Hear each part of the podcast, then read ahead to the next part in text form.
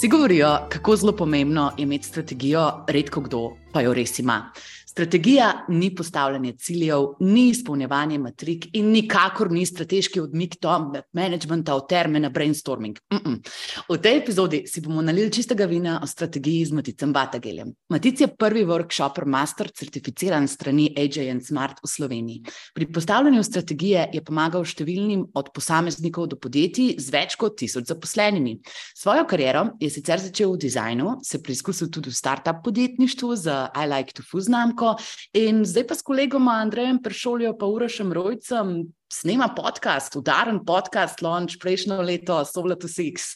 Uh, Matic, živijo, kako lepo te je imeti na drugi strani, kaj si ti rajš gost, rajš voditelj podcastov.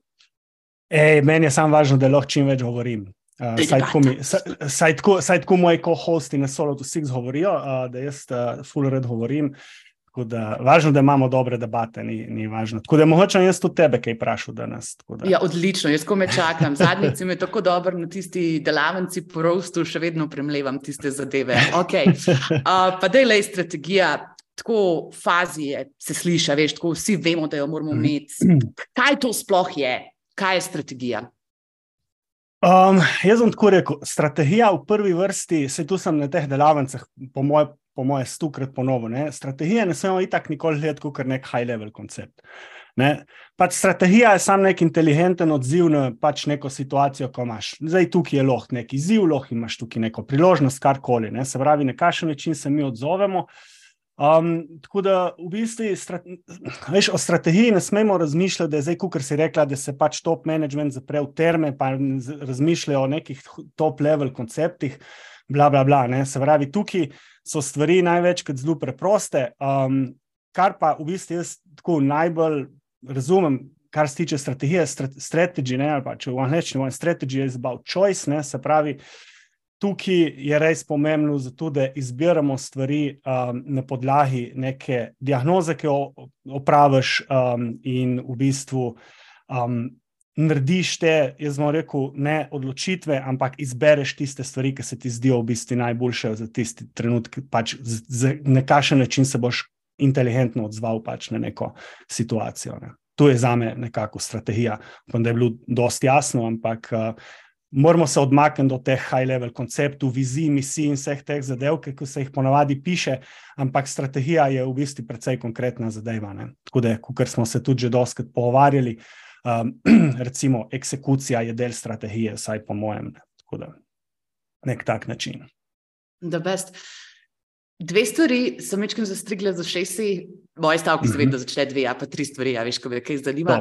To prvo je, da to ni statično, ker damo mi nekaj na papir, pa napišemo in pa zdaj naslednjih deset let se moramo v skladu s tem obnašati. To bi lahko rekel policy, naprimer, a pa kaj drugega. Uh -huh. Ta uh -huh. druga stvar, ki pa izhaja iz tiste knjige, ki smo jo oba dva prebrala, The Good and the Bad Strategy, mi je pa ful pomembno, pri tem diagnostičnem delu, ki si rekel, da izhajaš iz tega, da poznaš svoje prednosti, pa um, tudi pač sovražnikove v militari vokabularju, slabosti. Uh mhm. -huh. In da v bistvu na preseku tega lahko najdeš ene take rešitve, ki ni nujno, da so zelo sofisticirane. Pač tudi, a veš, kaj strategija, ki se rečemo, pa ja, pa moraš imeti genija, pa ne vem, koliko izkušenega človeka, ki to dela, a pa to delajo samo tam na vrhu podjetja. To, uh -huh. Ta mhm. pragmatizem, tvoja definicija strategije mi je blazno všeč. Ja, mislim, da kot sem rekel, ni high level koncept. Um, bolj kot boš imel ti zajebenega strategista, bolj bo komplicirana strategija, ponavadi, saj to je največkrat napaka. Ampak dobre strategije so tiste, ki so očitne, ki so preproste. Ne vem, um, veš, dam ti en primer. Um, ti delaš diagnozo v podjetju in vidiš, da tukaj imaš ogromno neke entropije, neke inercije, neke kratkovidnosti. Ne? Se pravi, tukaj imaš management sistem, je čist porušen, nič ne deluje. Ne? Tukaj imaš samo eno možno vodilno politiko. Ne? Se pravi, okoli česa bomo zgradili strategijo, okoli neke prenove, okoli neke reorganizacije teh stvari. Ne? In tukaj ti ne pomaga pač Viš, je, je strategija zelo preprosta. Ne? Treba se samo vprašati, okay, na kakšen način se lahko tu lotimo, kako bomo zdaj v bistvu firmo reorganizirali, na kakšen način bomo menedžirali to tranzicijo v neko, v neko novo stanje. In te stvari so pomembne. Se pravi, vidiš, da tukaj se zelo hitro pol premaknemo z nekih high-level konceptov, zelo na execution level. Se pravi, važno je, da boš ti to strategijo izvedel. Um, zdaj, ki si pa rekla prej, da strategija ni statična, absolutno. Ne? Zdaj, ponavadi, te, te, ne vem, podjetje te pokliče, te najame, ok, da mi bi naredili novo strategijo za naslednjih pet let. Jaz zmerno rečem, ok, pač, ok, ne bo pet let. Ne? Ampak strategija ni statična zadeva ne? in tudi strateško delo v bistvu ni periodično. Ne? E, strateško delo je zmer situacijsko. Ti narediš strategijo danes za naslednjih pet let, naslednji mesec se ti bo zgodila ena stvar, ki boš moral ti strategijo popraviti. Ne? Se pravi, tukaj zmerno gledamo na situacijo, še posebej, ker imamo mi neke nove venture ali pa neke nova podjetja, ali pa ne bo tu nek solo podjetnik. Ne? Se pravi, tukaj se ti strategija dejansko lahko spremenja na dnevni ravni, oziroma na, na, na tedenski, mesečni, kakorkoli. Zato, ker ti, absolutno na začetku, se še ful učiš, ful imaš nekih novih inputov, se pravi, ti v diagnozo trenutnega stanja um, zelo hitro dodajes ogromno nekih stvari, ker ti v bistvu pol vplivajo na samo strategijo. Da si se ti nekaj novega naučil, ne, ne vem, nekaj o tvojih strankah, nekaj o tvojem produktu, bla, bla, bla, se pravi, boš imel ti strategijo nekoliko brn. Zdaj ti neke glavne, tiste smernice, pa te stvari tu že ti imaš. Ne, uh, ne vem, ponavadi te stvari izhajajo nekako ne vem, iz tvojih prepričanj ali pa kakšnih takih zadev, ampak ta v bistvu pač moraš biti pa bolj hiter no, pri nekem strateškem prilagajanju. In tukaj spet je ta stvar, da strategija ne sme biti nek high-level koncept, ampak mora biti ne zdaj, da jo mi spremenjamo, pač, kar se nam zazdi, pač neke smernice moraš imeti, ampak mora biti fleksibilna. Ne, se pravi, da ne neki zdaj zabetoniramo, sledimo nečemu. Ne, tako je nek tak način. Da je biti konkretna, pa uh mhm. -huh. mogoče zdaj, ker so rekli, da morajo biti strategije pragmatične, pa uh, da se jih mora tudi uh, egzekucija narediti, da se jih mora tudi izvesti. Uh, uh -huh. dej, a imaš kakšne ful dobre primere, mogoče iz tvojega dela, um, kakšnih zmagovalnih strategij, da si naši poslušalci to lažje predstavljajo? Ja, um, zdaj, ok, prav konkretnih, konkretnih primerov bom, bom težko, ampak bom proval orisati no, uh, par stvari, pa eno opozorilo prej. Um, Ko beremo mi strateške knjige, imamo noter kup primerov, ne, uh mhm. -huh. ponovadi, in tu so nekako neke winning strategies. Ne. Tukaj je treba biti, vsaj po mojem mnenju, full pozoren. Zaradi tega, ker če mi dejansko nismo zelo podobni tistemu podjetju, ker je noter napisano kot primer, um, se bomo doskrat lahko malo zaklali s to neko strategijo, ker tukaj spet pri strategiji treba upoštevati pač različne capability. Pač mi se moramo zmeraj vprašati, kaj je realno za nas. Ne? Ampak po mojih izkušnjah, najboljše strategije, ki so v bistvu bile, um, je tu, ker smo v bistvu začeli zadeve ful poenostavljati. Ne? Se pravi, ker smo, ne vem, mailuje podjetje. Pri 4-5 različnih linij, pro, linij produktov, ciljali so na, vem, na 5-6 različnih segmentov strank, in um, zmeraj, v bistvu, nekako tako pač ustvarili so neko ogromno kompleksnost, In dejansko je bilo to zadevo zelo težko servisirati. Pol smo pa v bistvu vem, postavili novo strategijo, zbrali vem, en segment kupcev, videli, okay, kateri, katera produktna linija ali kateri produkt je v bistvu za njih najbolj primeren, sestavili pač od zadaj pač eksekucijski načrt, ne, se pravi, na kakšen način bomo zdaj šli, šli tu in zadeve začnejo tako. Zelo hitro delati, kot pesemca.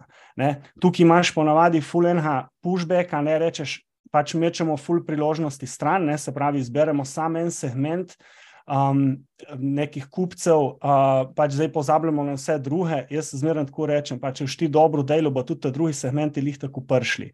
Ne. In dejansko, lih v tem primeru, zdaj pač ne morem povedati, kdo je točno, ampak v bistvu v tem primeru je realen primer. Lih, ne vem, nekaj mesec nazaj sem se pogovarjal pač z eno punco z tega podjetja in so rekli, da ja, je točno tisto, kar si rekel, veš, vsi prihajajo, ne? ampak mi smo pa fully sfokusirani v komunikaciji, vsemu. Ne? In pol se pa ti ponavadi, ker tako nekako se začneš fokusirati, se začneš tudi fully bolj učiti o nekem segmentu, uh, tisto, ki si ga izbral in tisti, ki ga nisi izbral. Ne? In tudi mogoče, ko mi danes razumeš, zakaj tisti segmenti mogoče zate niso bili dobri. Ne?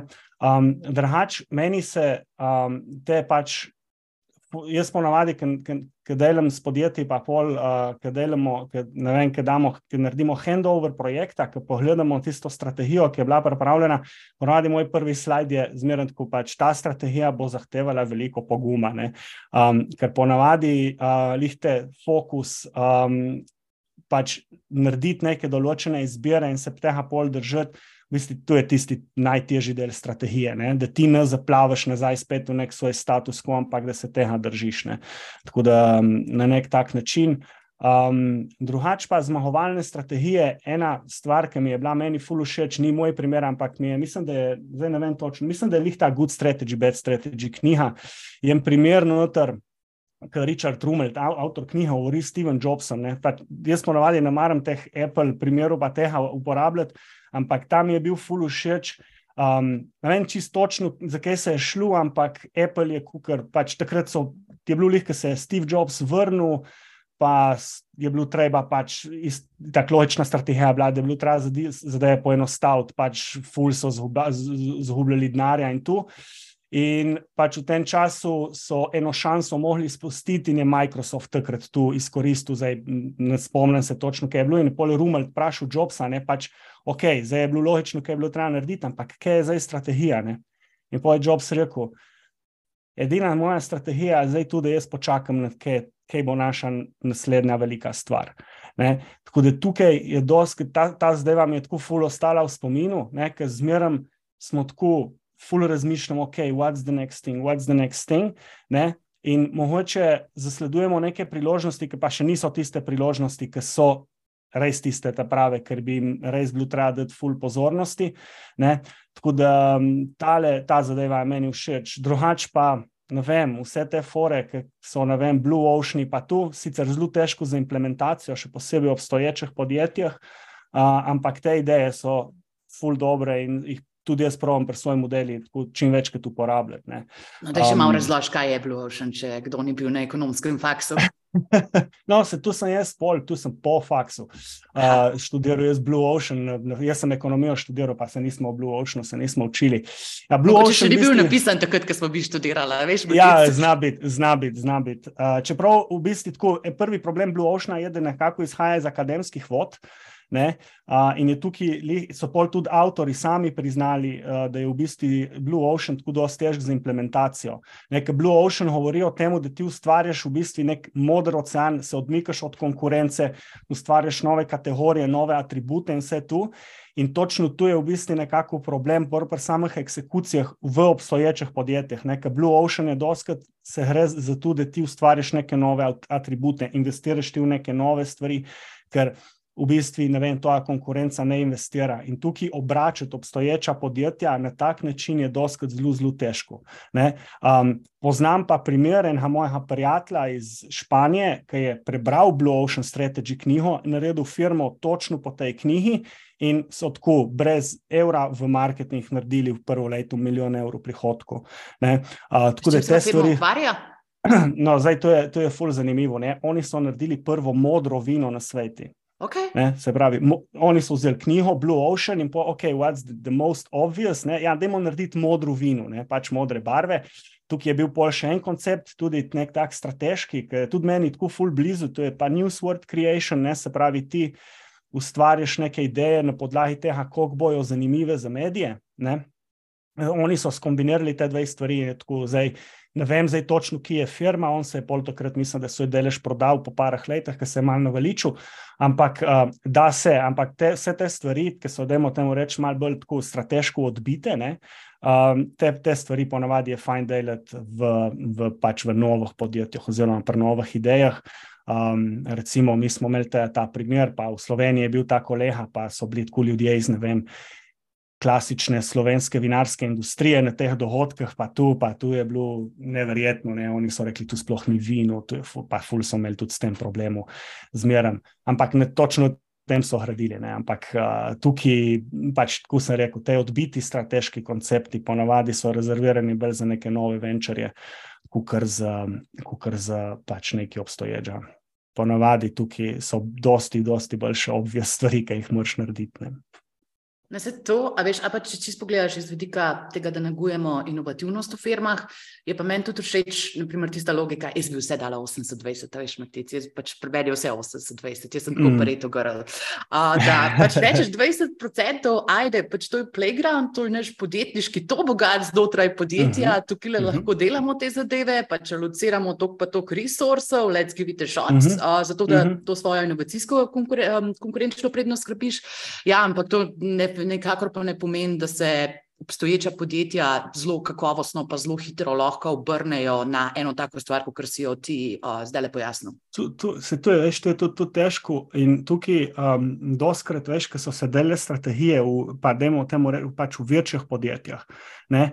In se je prišlo z nekimi dosto odbitimi idejami, in pol so videli, pač, da te stvari ne delujejo. Ne? Tukaj je pač enostavno zato, ker se je pozabilo v bistvu pogledati dejansko podjetje, kot tako, ne, narediti neko poglobljeno diagnozo in videti, da te stvari bodo dosti nerealne. Ne. Če imaš ti tako malenha, tako okostnenega dinozaura, ne, je težko priti z nekim takim full odbitim konceptom in pričakovati, da zdaj bojo pa naslednji dan vsi navdušeni in executili kot nori. Um, te stvari so ponavadi mal, mal težke. Ne. In pol, ja, super strategijo smo imeli, sam folk ne šteka. Ne.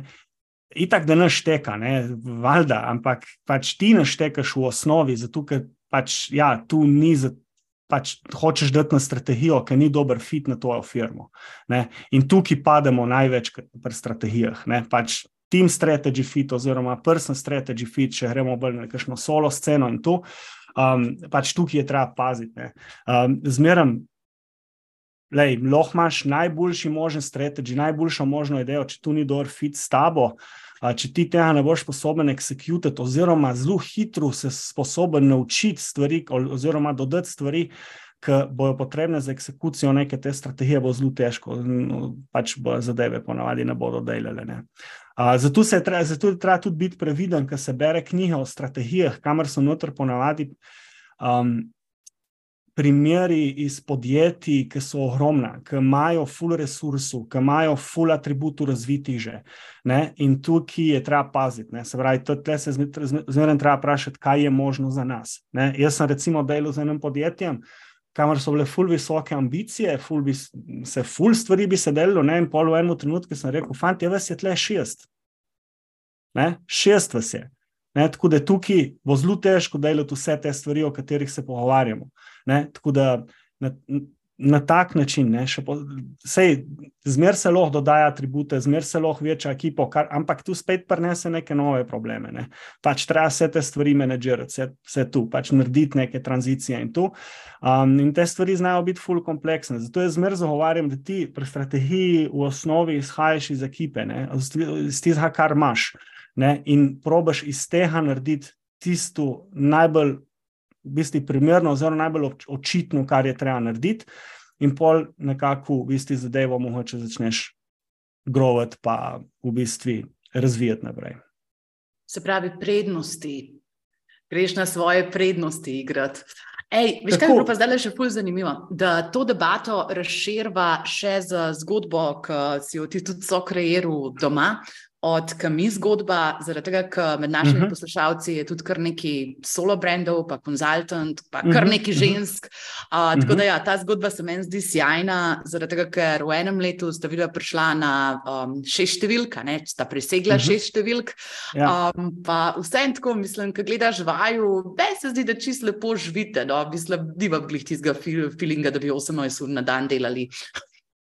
Ja, mislim tako, uh, ker nisi, nisi pri nas doma cel dan. Uh, ja, okay. še posebej moja žena, ona kar precej dela, ni zdaj 18 ur na dan, ampak včasih jo je treba odmakati od tega računalnika. Ampak recimo, uh, ja, ta zgodba je bila. Um, Zanimiva je z vidika, veš, če vprašaš ti mojo ženo, ali pa tudi, jaz razmišljam, ali smo mi zdaj tu strateško, ful dobro zapeljali, ne? pa tu absolutno, ampak zadeve dejansko niso, veš, niso bile čutiti kot strategija. Ampak je tukaj še posebej v teh začetnih fazah, bolj da pozabimo na to, da rečemo. Imam dobro strategijo, ampak rečeš, da rajši izbereš dobre možnosti zase. Ne? In recimo, čist na začetku, veš, da ti razumeš, v kateri fazi si kot podjetje. Ne? Zato, da ti na, v teh, recimo v začetni fazi, sploh ne razmišljaš o stvareh, o katerih boš mogel razmišljati, recimo, ko boš enkrat na 300 tisoč evrov prihodkov. Ne? Te stvari. Um, da, da narediš tiste očitne stvari, ki rečeš, ok, kaj je prva stvar, ki moramo narediti. Ja, najprej moramo dobiti kakšno stranko, da sploh vidimo, da testiramo te stvari, ki smo si zamislili. Da nekako imamo sploh mi plan, kako bomo razvijali ta produkt kako bomo o njemu komunicirali in vse te zadeve. Ne, se pravi, gledaš ti v bistvu gledaš strateško, ampak delaš tu v bistvu na tej, da imamo temu reči, taki mikroravni. V bistvu sprejemeš vsak dan neke določene, oziroma izbiraš neke možnosti, ki smatraš, da so zate dobre. Ne? In tukaj, um, ja, in, in v teh zgodnih fazah, pa absolutno pač execution in imeti. Nekako jasen fokus, kaj bi rad naredil, in se pravi, še posebej v tej fazi, to je glaven fokus, je pač na to, da ustvariš produkt, ki pije vodo, ki prenaša vrednost, ne, in pač da pridobivaš stranke in, in služiš denar. In, in tu je v bistvu sta, sta dva glavna fokusa, tukaj se ne ukvarjamo mi, recimo v tej fazi, s tem, kako bomo skalili to zadevo. Ne. Danes se ne, ne ukvarjamo, kako bomo šli mi na milijon evrov prihodkov, ampak se ukvarjamo s tem, kako bomo mi utrdili teh 100 jurjev v naslednjem letu, jih ponovili, jih naredili v bistvu na dosti lažji način, kot smo jih naredili letos. Ne? Se pravi, tukaj bo ta. Um, da imamo reči, creation faza se bo zdaj nekako zaključila, drugo leto bi moglo biti dosti lažje. Ne? Po drugi strani ti začne ostajati dosti več časa, da razmišljaš o teh naslednjih fazah. Ne? Tako da tukaj še posebej na solo sceni in temu je treba biti pač ful, tukaj jaz tu ful ponavljam, no, treba se zavedati faze, v kateri smo. Zdaj, recimo, ti Maja, si prišla do te stopne, recimo, že nekaj časa nazaj. Ne, se pravi, ti razmišljaš, kaj je to naslednja velika stvar. Ne, se pravi, ti si v fazi. Um, ti, recimo, ne vem, six figures lahko ponoviš zdaj. Ne? Imáš zadeve tako dosti jasno razdeljene. Ne? Zdaj, to je pač nekako strateško gledano, kaj o čem ti lahko razmišljaš, je pač kako greš, vem, iz six figures na, ne vem, na, pet, ne vem, na pol milijona, na milijon ali pa ne vem, sto jurjev na, na, na seven figures. Ne? Absolutno. In tukaj so pač neke strateške izbire, se pa bolj začnejo spremeniti. Tukaj pa moramo zdaj mi začeti razmišljati, na kakšen način bomo skalili, kaj bomo počeli. Ne? Ampak v tistih, veš, tako, do 100 ur, mislim, da smo se tudi zdaj na našem podkastu, v eni epizodi, ki smo snemali, smo se pogovarjali malo več o denarja in tega. Ne? In smo rekli, da ti prvih 100 ur rabiš za službo, zato da se sploh naučiš, v bistvu, kaj prodajes in na kakšen način prodajes. Se pravi, da narediš ti ta produkt in pohruntaš, ne vem. Če gremo malo bolj v šraufe, pohruntaš svoj funnel, pohruntaš, ne vem, o čem moraš govoriti, dejansko, kdo je to segment strank. Ne? In tukaj rabiš ti v bistvu, tu, tu se lahko, zdaj porabiš eno leto, lahko porabiš dve leto, čisto odvisno, ampak rabiš ti to zadevo nekako narediti. Ne? In ne razmišljati, pa recimo, zdaj ogromno je različnih. Advisorju, konsultantu, coachu. Co coaching je ful popularen zadnje čase. Um, in tukaj, veš, ti, ki začneš, kukar coach, ne, um, strateško gledano, ti nikoli ne boš šel v štartu na neko grupo. Ne? Ti zmeraj začneš en, z ena na ena delom. Zato, ker ti se na začetku, oziroma če si ti tako, full expert, full znaš, ali pa si tu nekje drugje delal, ne, pol mogoče, ja.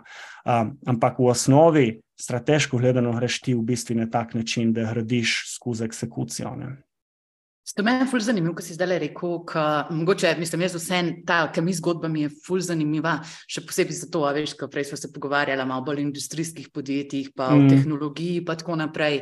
Ta zgodba pa meni fenomenalna, zaradi tega, ker je storitven biznis. Ona mm -hmm. v mhm. bistvu, ko se je preselila v Slovenijo, je imela pač, ne vem, če imela že knjige napisane, ampak tako trla je svoje znanje. In tako uh mhm. -huh. vidim pri kolegih, ki imajo tudi pač ekspert, mednarodne partnerje, koliko je ta tranzicija lahko težka, že kulturno, pa pa še ja. posel v bistvu preneseš v drugo državo. Tako bi pa, mhm. mislim, uh -huh. res, res, res, res, res je lepo blogljati tisto. Pa, dej, a bi lahko poskušal sistematizirati prav ta odkami primer.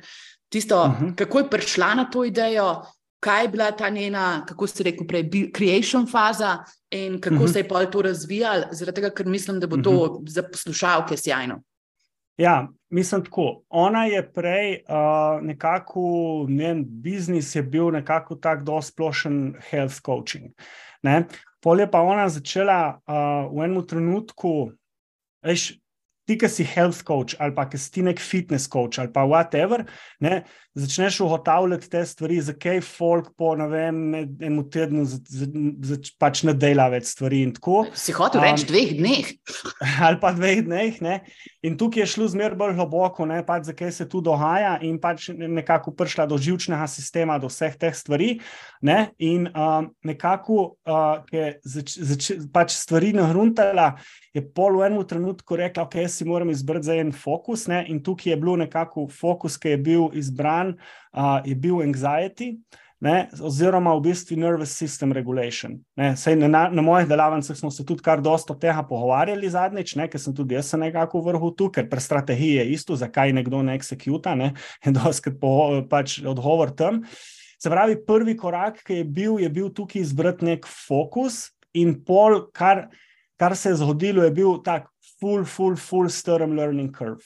Ne? Se pravi, izbrati fokus, imeti neko osnovno znanje in probati pridobiti neke prve stranke, da jih pelemo skozi neko, skozi neko osnoven kurikulum. Ne? Pač na, na začetku je bil tu čist klasičen ena na ena coaching, mislim, da je bil tu varianta šest mesecev ali nekaj tazga. Ne, um, je, je trajal ta coaching, pa na začetku so bile take napake. Veš, nismo rekli, da okay, je probati dobiti deset strank in začeti z njimi delati 1. februarja, vsem jih krati. Ne. To je bilo pač tam, nek funnel smo postavili, folk se je parjavil na Discovery, kole, closel se jih je in začelo naslednji dan. Ne, se pravi, smo imeli že tukaj full, v isti stvari, nekako niso bile sistematizirane. Pol pa v bistvu skozi prvo kohorto se je ful naučila, v bistvu, zakaj se sploh gre. Uh, v smislu, kar se tiče problemov strank. Um, takrat smo lahko dosti bolj natančno definirali nekako segment, dosti bolj uh, fokusirano zastavili celo komunikacijo, dosti bolj fokusirano zastavili in zategnili funnel. Ne? Se pravi, če je bila konverzija na te prvi kohorti okoli 30-odstotna, je bila druga kohorta ne vem, 80-odstotna konverzija na, na Discovery klicih, um, na ta zadnji pa je bila v bistvu bi bila 100-odstotna, če ne bi ona zavrnila jih enih par. Ne?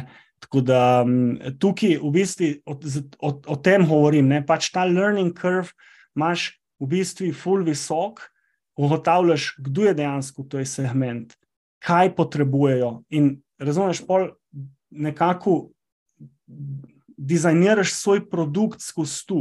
Ne? In tu na coaching biznisu se da ful lepo narediti, ker ti začneš z nekim ena na ena coachingom, ki je malo bolj odprt. Ne?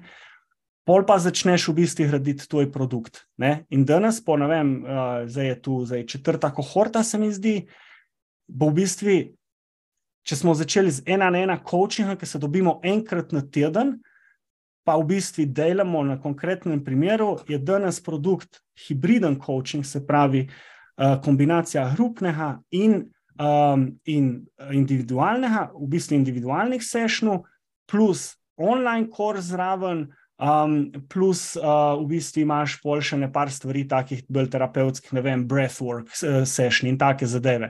Ne, se pravi, danes je produkt popolnoma neki drugega, kot je bil na začetku, cena je popolnoma drugačna. Ne, tako da v bistvu je bilo res tu, da smo vsak dan posebej delali neke strateške izbire, kako gremo. Ali pa recimo drugo kohorto smo rekli, gremo šest mesecev, na tri mesece smo gotovili, tri mesece je premalo in je bilo treba pol še en mesec dodati.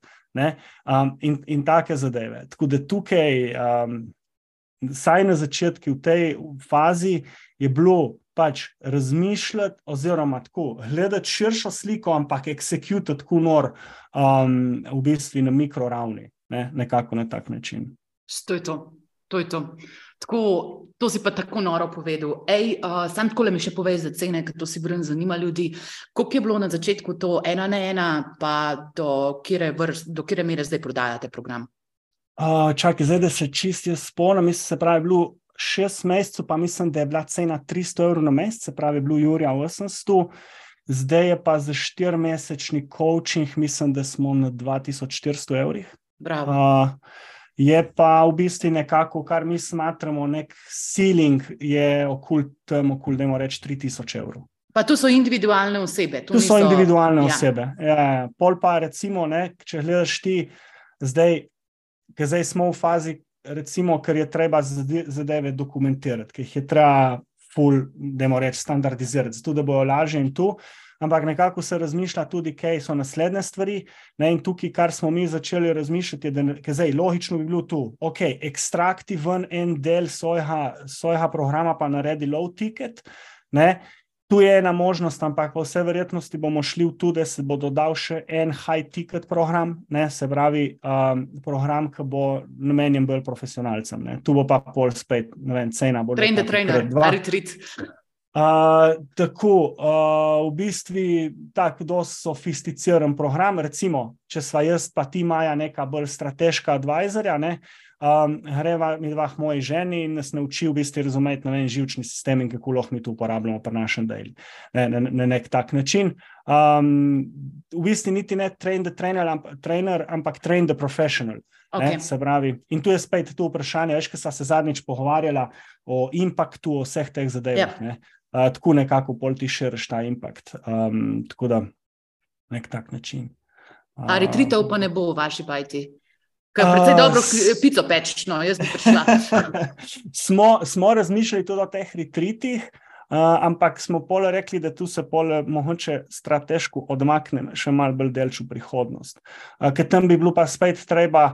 Uh, tam tako ful večje investicije, uh, ki smo pač retrite, ja, se lahko najameš za devo, pač nek center, pa tu tam narediš, ampak če ti gledaš pol z vidika neke profitabilnosti, pa efforta, ki ga moraš dati v tu, um, zadeve niso tako enostavne. Je, res moraš imeti ta prostor. Ja.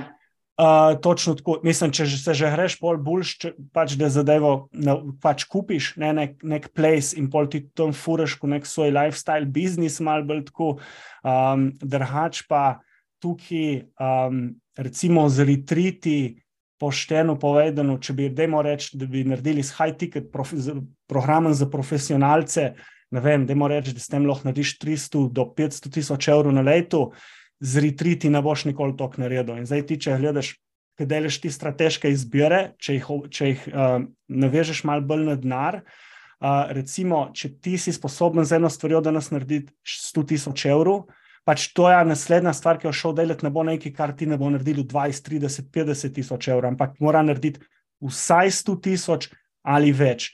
Ne? Se pravi, gledaš, če navežeš na denar, to, to je recimo ti s svojim ena na ena coachingom zaslužiš 100 jurjev, ne boš pa šel delati low ticket programa, ki ti bo prinesel dodatnih 20. Sa, saj jaz tako razmišljam, meni je ful všeč ta logika. To logiko sem jaz nekako posvojil od uh, Jonathana Kortnja, uh, uh, on je CEO od Agent Smart. Um, in ko smo bili mi, v bistvu, jaz sem v enem tem, tem, ta workshop, master programu.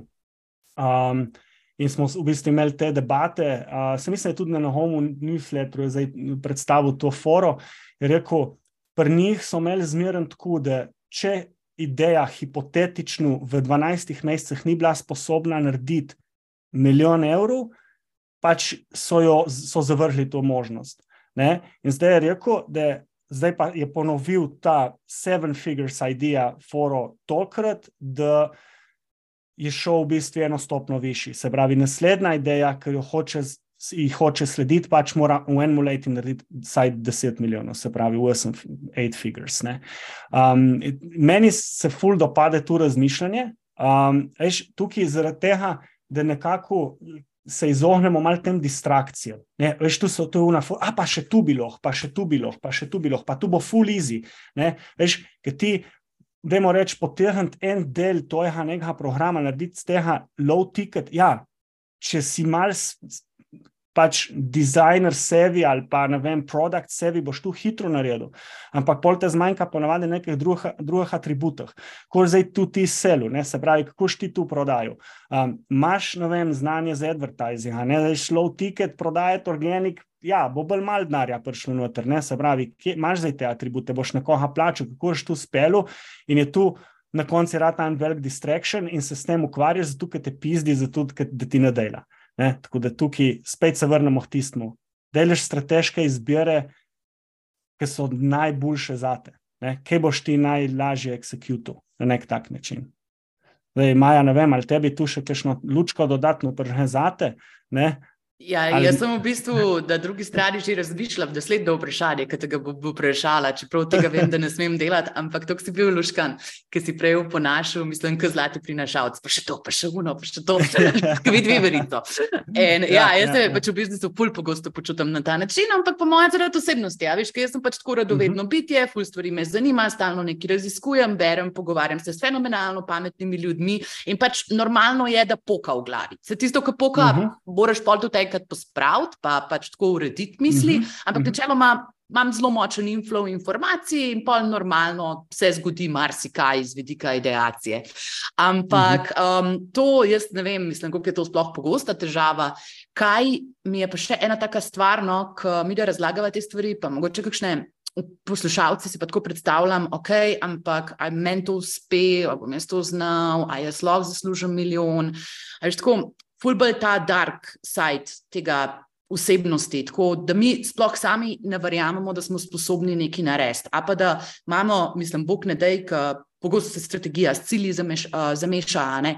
da uh -huh. bi si pač zdaj res vsi napisali, pač zdaj pa hočem narediti milijon in naslednjo leto bili zafrustrirani, kako bojo naredili milijon, če mogoče sploh še nimajo biznisa.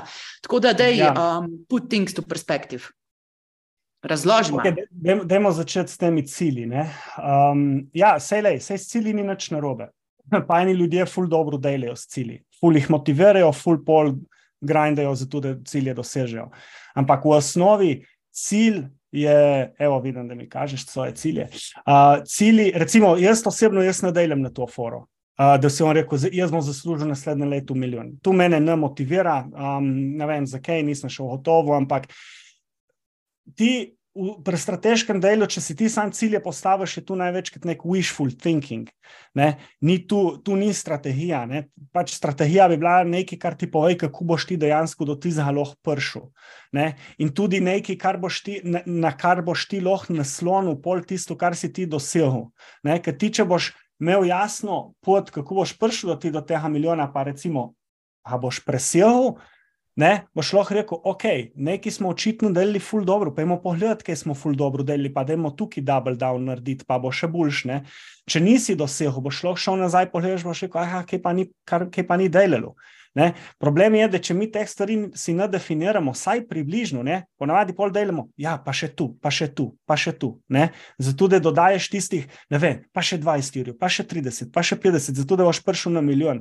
Namesto, da bi videl, katera stvar ti res full dobro dela in pol narediš double down tam. Ne, in provaš tisto nekako multiplicirati. Ne. Tukaj imam Recimo, ogromno imam jaz enih primerov iz svojega dela, kamor smo nekako strateško, skozi strateško delo ugotovili, katere stvari so dobre, katere stvari delajo, nekatere stvari bi se bilo treba osredotočiti. Pa tu so podjetja, ki delajo eight figures ne, in več. Ne, in, in se pol nekako še zmeraj zaciklijo v neke projekte, ki bi, ne moreš reči, da imaš ti stranko, s katero narediš, ne vem, 5-6 milijonov evrov prometa letno. Ne? Ok, kaj je tvoja naloga, dobiti pet takih strank. Ne? Tu je edini fokus, edini strateški fokus, ki ga imaš, je tu. Ne? Na tak način lahko ti rasteš, na tak način lahko ti razviješ firmo. Ne? Zakaj se pol ukvarjaš s projekti, ki bojo prinesli mogoče 100 tisoč evrov na leto? Tu, tu, tu so te zadeve in tu je. Um, tu je v bistvu izhaja pol, ne vem, ali je tu nek scarcity mindset. mindset ne? Se pravi, tu je full pohost v Sloveniji ne? in In ja, lej, bullshit, uh, ko je že vrab, vra, bolje vrabec v roki kot golob na strehi. Raj vzamem tistih 100 jurjev, kot da v bistvu minerata dobi če ne stranke. Tudi zelo velike uh, podjetja se lahko to obnašajo, ne samo posamezniki. Absolutno, jaz mislim, da tega v velikih podjetjih mogoče še več. Uh, in, in, se, in, in tu, kar jaz vidim, tu so samo distrakcije, nič drugega. Samo distrakcije, ki moramo se zavedati, da so pa pač resursi so pa omejeni. Uh, ekipe so omejene, velike, ponavadi. Ne? In pa kar delamo, mi samo overloadamo, malo pač folk, pa v bistvu kuramo denar nekam, kar v bistvu return on investment je v bistvu pol dosti manjši. Lej, prodati nekaj za 5 milijonov ali pa 100 tisoč evrov, nek effort je približno največkrat, recimo po mojih izkušnjah, je bilo lažje konvertirati nekoga, ker bo naredil 5 milijonov prometa s tabo, zato ker je best fit client. kot se matrati z nekom za, za nek projekt za 100 tisoč evrov, ki ni best fit client, se pravi, ki už porabi več energije, več časa, konc koncu več resursov, um, zato da boš v bistvu nekaj zaključil. Ne? Se pravi, strateško gledano, tukaj pač delamo ful, ful napake. Ne? Ampak tu, ja, tu je ful naravno. Um, večina ljudi nas je takih, zdaj boš, da se ne spuščava preveč globoko v te stvari. Ne? Pač tukaj razlogi so največkrat psihološki, skrivajo se, oziroma se skrivajo v živčnem sistemu, vseh teh zadevah. Ne? Zdaj tu je mogoče za en drug podcast uh, debata. Ne? Ampak... A, že ti zaš, super. Uh, ne, med, sem še ena stvar, sem še ena stvar, ki mi je pa zdaj tudi širila na pamet, je pa to. Se pravi, zdaj smo obdelali ta FOMO, pa kako drubiš, pa delaš stvari. Pa ta druga mm -hmm. stvar, ki se je pa tudi naredila, naprimer na delavnici, pa takrat sem pa jaz oranž eskalirala, zato tega, to, to je meni mhm. tako, mislim, recept za kurt folk, da misliš, da moraš delati eno stvar, naprimer postati na LinkedIn vsak dan ali pa ne vem, pač tako iti enkrat na mesec na mreženski dogodek, a pa karkoli tasga, a veš, kaj si v bistvu od drugih ljudi slišal, validirane, a pa ne validirane, um, stvari, in namesto da bi delal na sebi, pa na tistih zadevah, ki so zate esencialne, kopiraš blueprint od nekoga, ki dela istih stvari ali pa je ki delal pred desetimi leti. Ja. Lej, tu, tu, tu zna biti nevarno, ne? kot sem prej rekel. Uh, se pravi, da ti delaš neke, neke izbire na, na podlagi tega, kar drugi počnejo. Zdaj, lej, če si ti coach, ne, Um, in delaš v nekako podobnem segmentu, kot nekdo, ki poznaš, da je uspešen. Ti lahko greš neke, ne, neke določene stvari, pač tiste, ki oni delajo, jih lahko uporabiti. Ampak spet, in jih je pametno ti... začeti testirati s tem, zato ker očitno tako, to že neki dela. Ne? Tako, ampak treba tukaj, treba past fuleno stvar, treba past fazo. Ne? Se pravi, ti, če gledaš, če jaz gledam nekega ameriškega koča, ki danes dela seven figures, ki gre gledati njegov kontent, frekvenco, kje se pojavlja, kaj počne, dela konference, bla, bla, bla. bla, bla. Ja, okay, ali pač cool. love spin. Ja, ja, um, ampak jaz sem pa v fazi nič, ne? faza nič, razmišljam o tem, da bom nekaj začel. Ne, kako je ta tip, ker danes dela konference, kako je on začel? Ja, tako da je šel ta prvi mal po svoji neki mreži, naredil ne vem, eno brezplačno delavnico, začel graditi, začel se učiti. In, in tu so tiste napake, ki jih počnemo. Ja, tu pol pa demo, ja, moš delati sedem, veš, kukar, če bi jaz če zdaj gledam, ne vem, mojega prijatelja Andreja Pršoljo, ne, on ima naštudirane zadeve, že dosti bolj, kot recimo jih imam jaz na neki strateški možnosti, ki jo danes raziskujem. On posta na LinkedIn vsak dan. Ne, ali bi mogel jaz postati na LinkedIn vsak dan? Jaz ne vem, kaj napisati na LinkedIn vsak dan še. Ne? Ne, pa spet, a veš, ta bi mogel, bi mogel. Zato, ker Jaz sem glih razmišljala to, naprimer, če hočeš hujšati. Zdaj, zdaj je januar, zdaj lahko govorim, jaz sem hujšanje. V redu je. Uh, se pravi, lej, zadeve so blazno enostavne. Pač tako manjej, več se premiki in ne vem, če pač en mesec deš se, da poješ, boš hujšal. Pika. Evo, pač, kako boš imel, je druga, ampak boš hujšal. Maja, sorry, ampak zdaj si ti v bistvu povedala eh, bistvo strategije. In tisto, ko govorimo, da pač strategija je očitna. Ne? Hočeš shujšati, ja, manj je, začnite lovati, pač očitne stvari. Niso tu, veš, kaj, mi, kaj pa mi počnemo v, v, pri strategiji, v biznisu, iščemo. To dieto, uno dieto, tretjo dieto, ne vem, kakšno stvar. Ne, ne, in uh, iščemo v bistvu neke magic pile, kamere pa so v bistvu stvari, so pa dosta očitne. Ne, stvari so očitne, kaj je treba narediti, zakaj jih pol ne počnemo. Tu je, tu je za, za me vprašanje, uh, um, s katerim se jaz največ ukvarjam zadnje čase, zakaj ne počnemo očitnih stvari, ker jih je treba početi, zato da bomo lahko uspešni v nekem biznisu ali pa v lifeu. Ne? Ne, zdaj, ki si pa to razumel, pa jaz štekam ta tvoj nervous sistem. Jaz, na primer, jaz, prva rešitev, ki sem jo iskala, so normalno habiti.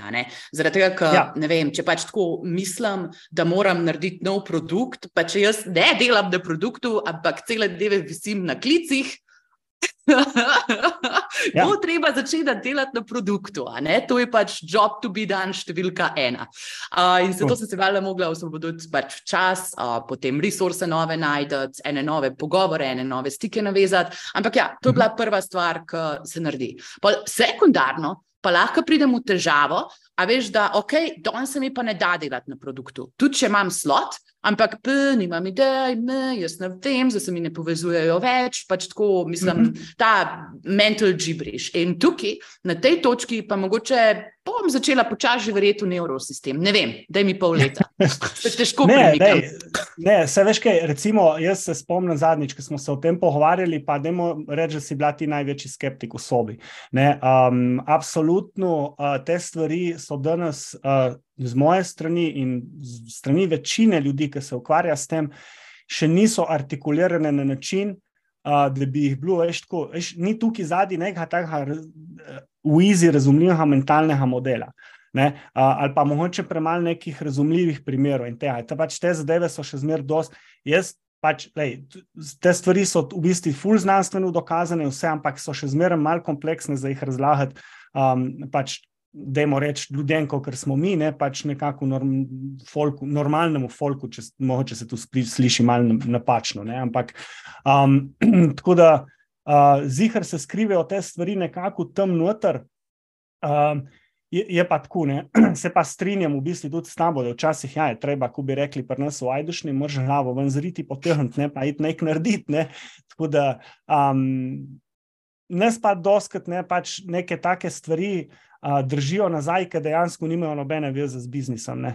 Um, tu, ne, zakaj ti pač točno veš, da moraš dobiti še eno stranko, ki ti bo prinesla 5 milijonov, ti se ukvarjaš s projektom za 100 ur, zakaj to počneš. Ne. Pač ta stvar ni, ne me reči, da ima tukaj, če bi tu mail uvil zakaj z biznisom, ne bi ti rekel, tega ti nikoli ne bi šel delati. Ne, ker, ni, ker ni biznis logike zadnji. Se pravi, tukaj je pač nekje zadnji, se skriva nekaj, nekaj drugega. Ne. Tako da tukaj. Um, Zdaj, recimo, kaj je moja naloga, ne? oziroma kaj jaz želim, ne? je v bistvu, kako sestavimo produkt, ki naslovi v bistvu oba segmenta dovolj dobro. Se pravi, da moraš reči biznis segment, se pravi, pa strateški segment, plus pol ta segment, ki nima veze z biznisom. Ne? Ker tukaj, kar je mene najbolj, pr, najbolj boli pri strategijah, ne? je tudi, sestavimo dobre strategije in pol v bistvu zadeve padejo na eksekuciji. In kaj se, Maja, kaj se največkrat zgodi? Pač imaš super strategijo in od tega ni izvedena. Nič, niti ena črka, nič, nič, nič. Veš, se bi rekel, ok, ja, pač tam nekje smo padli na eksekuciji, mogoče strategija ni bila dobro pripravljena. Ampak, ko je nič, ne, ko se ne zgodi nič, ne, takrat pol vidiš, da mogoče problemi nekje drugje. Ne. Ne, in jaz se to ful strinjam, zaradi tega, ker veš, tudi pri komplanih je isto, v growtu je isto, mislim, povsod je isto. Če se ne bo mm. naredil, ne bo rezultatov. In pač glik sem ti povedala prej, ne vem, če smo se snimala, en moj prijatelj računa enemu podjetju 9 jurjev na mesec, da pol ure na teden z njimi klepeta, pa da jih sam pač ima accountable. Sam pač tako, mm -hmm. zakaj ti ga nisi naredil, zakaj unga nisi naredil 9 jurjev na mesec mm -hmm. za pol ure, pač to je njegov ja, najjačji ja, ROI, ja, ja. pač noro. Ampak le, očitno je to takšen pain, da so ga tudi ljudje že pripravljeni rešiti, pa plačevati za reševanje. Lej, tukaj je spet, um, sej, mislim, da sem tudi prej to rekla. Uh, odvisno pač, zdaj, lej, očitno je tu, kar in on reši v tiste pol ure na teden, vredno 9000 evrov. Sigurno, ne? še več je, sigurno, vredno, če so že pol leta njegova super stranka, pa mu bojo ko, še za pol leta vnaprej plačali. No, to, recimo, veš, neha pokliči na podcast, da on razloži, kako se tu naredi. Ne? Uh, uh, tako da, um, ne, drugač pa, ja, um, če, če gremo malo v te, v, v, vem, v te scene, ne, valjda, ne, pač odvisno, koliko velike probleme rešuješ, pol pa odvisno, koliko znaš ti vrednosti tukaj noter ujet. Ne? Recimo, uh, nek strateški konsulting na, na visoki ravni, tu, tu grejo cifre, pač kar visoko. Ne, ne pogovarjamo se pol tukaj več o projektih za Jurija, pa polne. Ampak so, so tukaj, ne vem, tudi v Sloveniji so strateški projekti, recimo, ker se delajo, da moramo reči, tri tedne, pa recimo tu lahko dela en solo facilitatorsko, pa grejo cene, recimo, tam okoli 20 tisoč evrov. Um, tako da so tudi v Sloveniji so podjetja, ki cenijo te stvari, ki razumejo, da v bistvu, če oni investirajo 20 tisoč evrov nekega strateškega facilitatorja ali pa um, konsultanta, whatever, ne, se pravi, 20 tisoč evrov bo, bojo, bojo pinac na to, kar bojo oni v bistvu, z, recimo, naredili. Plačajo 20 tisoč evrov nekomu, da jim pomaga oblikovati strateško možnost, ki jim bo prinesla, ne vem, v naslednjem letu, ne vem, 10 milijonov evrov.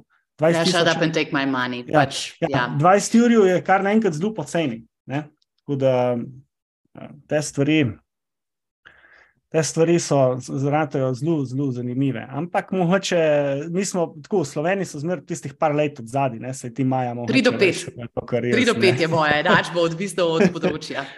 tako, tako, tako. Cool. Ej, Matic, zdaj pa mogoče Za konec pa narediva še en takšen močen zaključek. Pravi, tudi ti okay. si že začel razvijati framework, ki sem ga videla, pa je dober, pa v mhm. miru tu je, uh -huh. ker mi je še posebej všeč. Uh, kako nastavljati strategijo, tako malo, mislim, tako tam smo DIY-ali, pa jaz sem bila jaz edina, ki sem ga naredila do konca tiste teden. Ampak to, to je ta moja legendarna trma. Ne, če se pač nekaj naredi, pa rečem, da bom nekaj naredila, bo to narejeno. Pika, ja. pač ne Ko nekaj začnemo, tudi končamo. Kako je že ta tvoja mantra? Če, če ravno so prepreke in nas ne navdušuje preveč z naravnim ponosom. Tako, odlično. Ne, jaz mislim, da ti moram prav eno diplomo pripraviti, za to, da dobiš, uh, uh, ki si naredila framework. Ja, ne, ko me um, čakam. Zdaj pa, zdaj ti pa povej tako pragmatično, če ko sva navdušila ljudi nad strategijo, kako se pa to zares dela, kako pa se tega lotiti. V osnovi bom tako rekel, strategija ni izpolnjevanje metrik. Ne? Se pravi, pač tukaj neki one, strategy, one pager in tu pač um, ne pridejo neki upoštev. Fajn je pa, da imamo v bistvu mi neko logiko, um, kateri nekako sledimo. Tudi, ka, recimo, jaz sem, ful, če se spomniš, poudaril, full strateški sparing, ne, se pravi, da ta, ti imaš nekoga, s katerim debatiraš, predebatiraš o strategijo in vse. Je tudi fajn, da imaš približno isto idejo, kaj, kaj strategija pomeni. Um, zdaj, tukaj framework um, je v bistvu ful koristna zadeva, kaj je framework. Framework je v bistvu en tak, kako bi se temu rekli. Ali pa, veš, kaj me vprašajo, kaj so delavnice, ne, jaz pač ja, le. Delavnice so strukturirane QA, ne, pač tam imaš en kup enih vprašanj, na katere odgovarjaš, pol začneš pike povezovati, pa neki, pa neki ven iz njih potirneš, pol na konci. Um, tako da tale framework, ki smo ga mi pred novim letom uporabljali, je bil nekako predelan, zdaj moramo reči, framework, ki je namenjen bolj neki korporat sceni, uh, večjim podjetjem, ta je bil v bistvu uh, nekako predeljen na bolj solo sceno. Ne? Uh, in v bistvu sem dobil en, uh, en dober feedback, uh, ki je v bistvu, je, v bistvu ena punca mi je napisala, ja, pa tu pa ni framework za eno uro. Ne? In tukaj, um, tukaj se treba, pri strategiji se treba zavedati. Strategija ni easy. Ne? Strategy is hard work. Ne? Tudi, ker mi imamo en framework, tu ni zdaj tu, a zdaj pa ne. Pač, um, framework je tam zato, da nam pomaga razmišljati. Po frameworku se treba full levo pa desno premikati. Um, Maraš štiri različne neke touchpointe, noter pa v bistvu se ti pol začne odpirati stvari na enem koncu, ki ti v bistvu dodajo pol pa enemu drugemu. Ne? Tam smo dam, dali, naprimer, dosti poudarka na mentalne modele, se pravi, neka prepričanja naša in tu, meni se zdi, da so najboljše strategije, še posebej za solo sceno, tiste, ki izhajajo nekaj iz tem.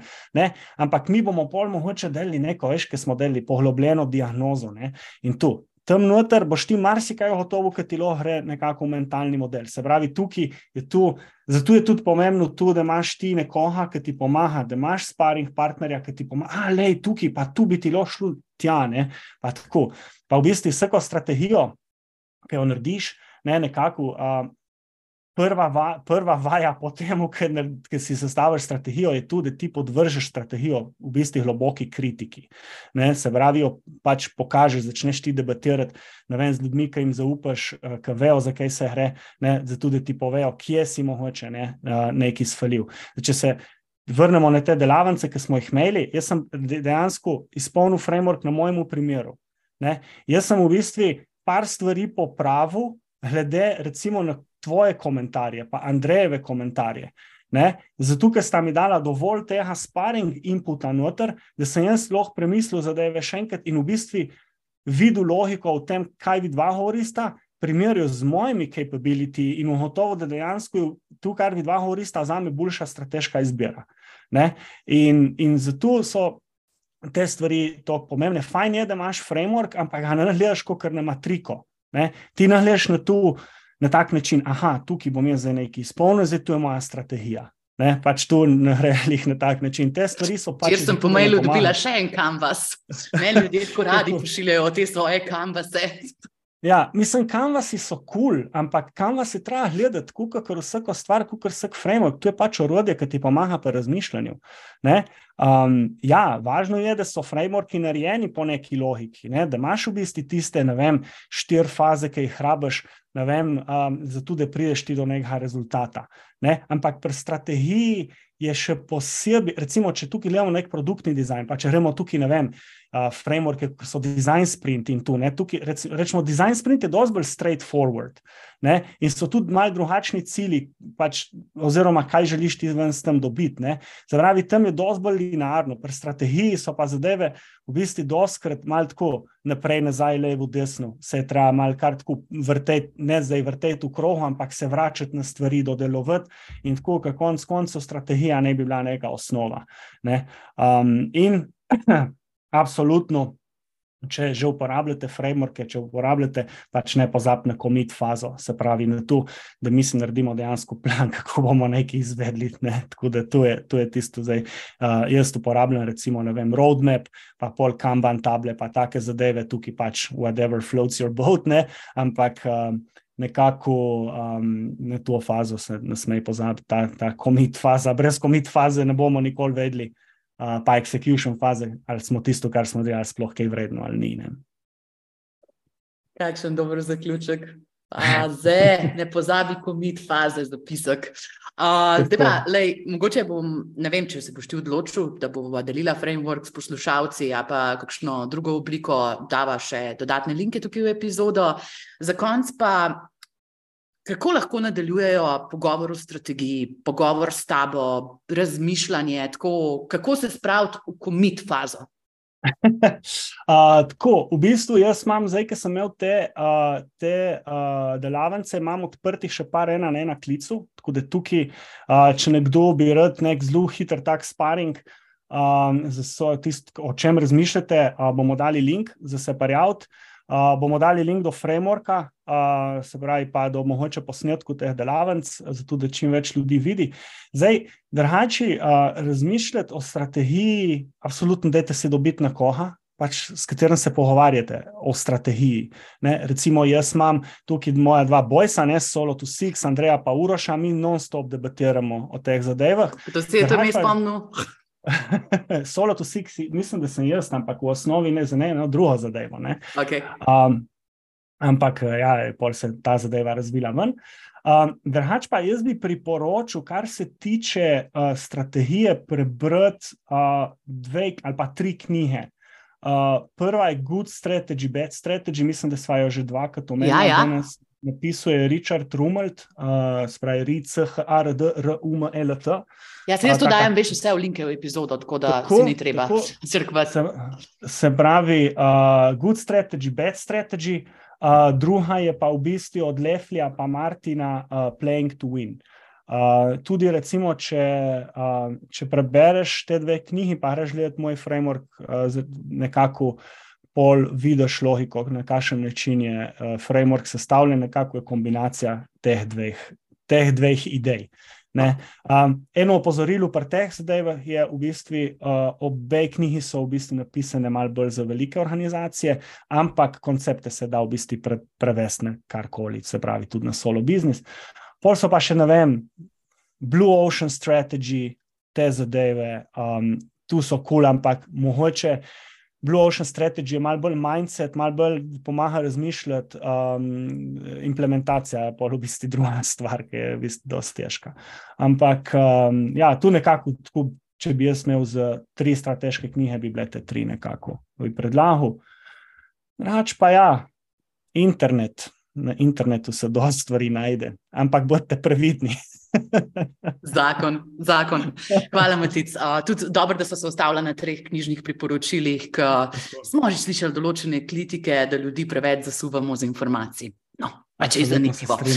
Ja, Dobro, ej, hvala, ker si bil danes z nami uh, za vse te super pogovore.